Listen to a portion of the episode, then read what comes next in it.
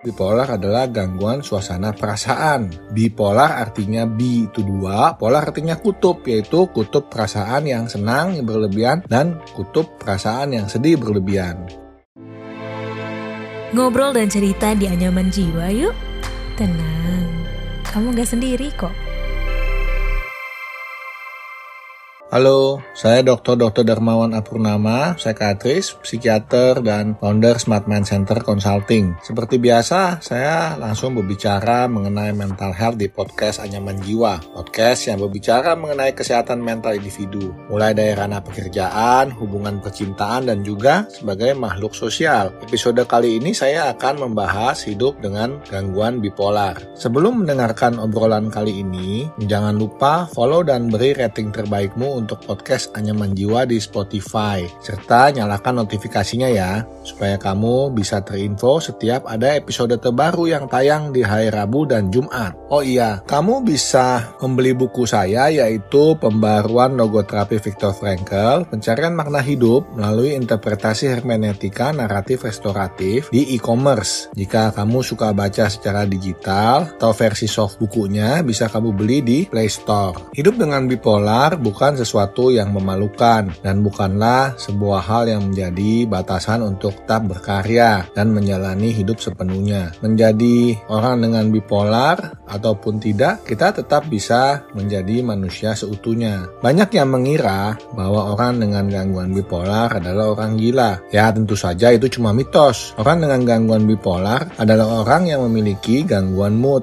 Dari mood yang tinggi atau senang berlebihan disebut dengan fase manik atau mania sampai suasana perasaan atau mood yang terendah yaitu fase depresi. Fase-fase tersebut sangat mungkin dialami seseorang untuk waktu yang lama atau episode yang cukup lama. Dengan kata lain, sekali lagi saya katakan bipolar adalah gangguan suasana perasaan. Bipolar artinya bi itu dua, polar artinya kutub yaitu kutub perasaan yang senang yang berlebihan dan kutub perasaan yang sedih berlebihan. Apa bedanya bipolar sama moody? Nah, jadi kalau orang yang suka moody, itu dia moodnya itu suka berubah-ubah. Itu lebih mirip seperti yang dikenal sekarang dengan yang namanya borderline personality. Kalau bipolar, itu ada episode-episodenya. Jadi episode dia lagi sedih, dia bisa sedih terus lama beberapa minggu sampai beberapa bulan. Jadi bisa panjang tuh. Nanti ada episode dia itu lagi senang, senang berlebihan. Nah, itu juga bisa bisa berlangsung beberapa minggu sampai beberapa bulan. Lalu ada episode dia normal.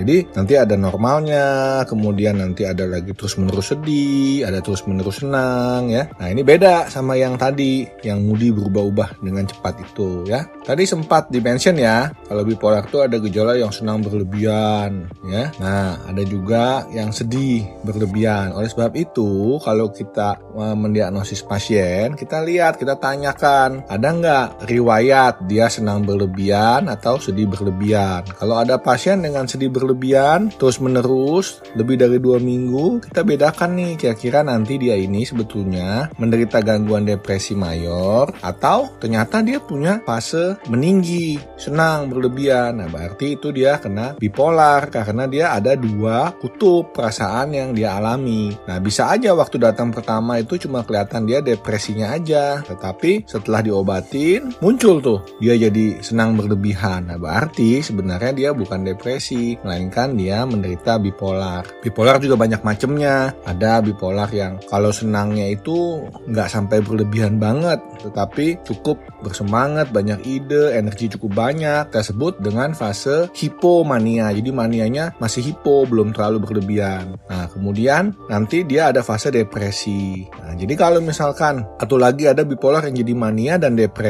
Nah, episode itu nggak mesti bulak balik ya, maksudnya nggak mesti bergantian langsung. Misalkan dari depresi jadi mania, mania jadi depresi enggak. Bisa aja depresi, kemudian normal dulu, eh depresi lagi, normal dulu, eh baru mania gitu ya. Nanti normal dulu, mania lagi, normal dulu, mania lagi, bisa aja jadi random ya. Tetapi selama dia ada riwayat pernah mania dan pernah depresi, berarti dia memiliki karakteristik dua kutub tuh. Berarti dia masuk ke dalam bipolar. Nah terus gimana kalau punya teman atau pasangan yang memiliki gangguan bipolar sedang menjalani pengobatan?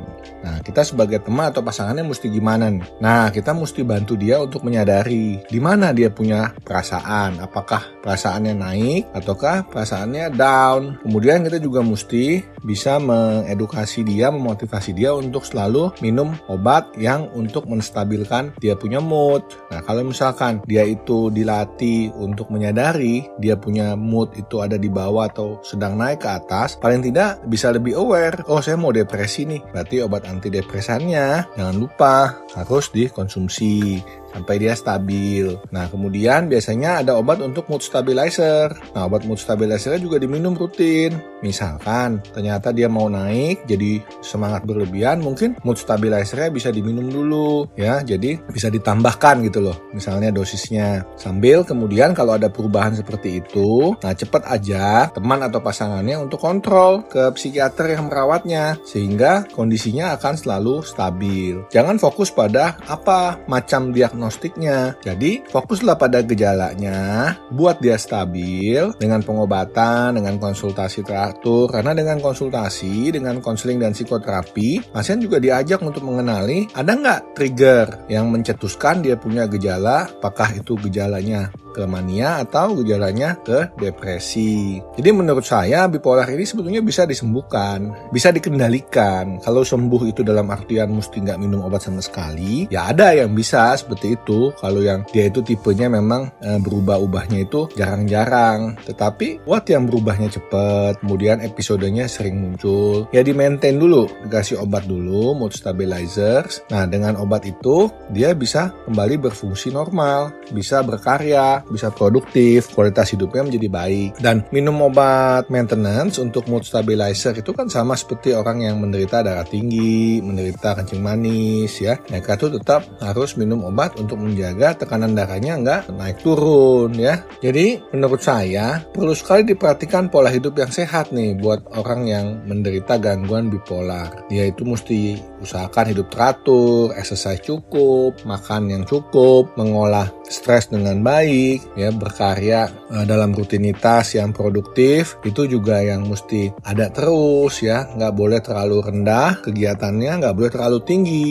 Jadi pola hidup menyadari diri juga penting sekali. Jadi jangan lagi ya dengan demikian banyak yang salah kaprah dengan gangguan bipolar ini karena ketika dia sedang moodnya manik banget dan depresi banget, kadang mungkin aja ada gejala seperti halusinasi, tetapi itu bukan berarti dia itu uh, orang yang mengalami gangguan schizofren ya jadi bedakan karena kalau bipolar ini dia itu memang yang utamanya adalah gangguan suasana perasaan. Jadi bukan lebih ke gangguan kognitif, pikiran atau persepsi. Ya coba nanti didengarkan di episode tentang schizofrenia ya. Nah jadi kesimpulan saya untuk episode kali ini, apabila ada pasangan, teman atau kita sendiri yang suka mengalami episode nanti eh, depresi, nanti eh, senang berlebihan, ayo cepat diperiksakan ke dokter, ke psikiater dokter dan jangan uh, fokus pada apa diagnosisnya, tetapi fokus pada selalu menyadari dan bisa mengendalikan episode-episodenya, uh, bisa mengendalikan suasana perasaannya, serta bedakan dengan moody yang uh, moodnya itu cepat berubah, uh, yang ke arah borderline personality atau uh, kepribadian ambang.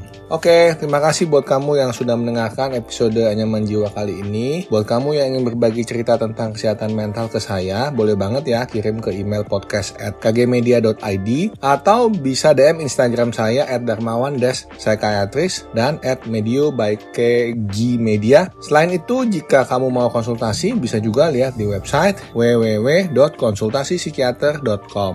Dengarkan podcast menarik lainnya dari Anyaman Jiwa di Spotify. Saya Dr. Dr. Darmawan Apurnama, psikiatris, psikiater, dan founder Smart Mind Center Consulting. Mohon pamit undur diri dan tunggu episode selanjutnya. Sampai jumpa. Ya, udah selesai episode kali ini. Tungguin episode Anyaman Jiwa selanjutnya ya.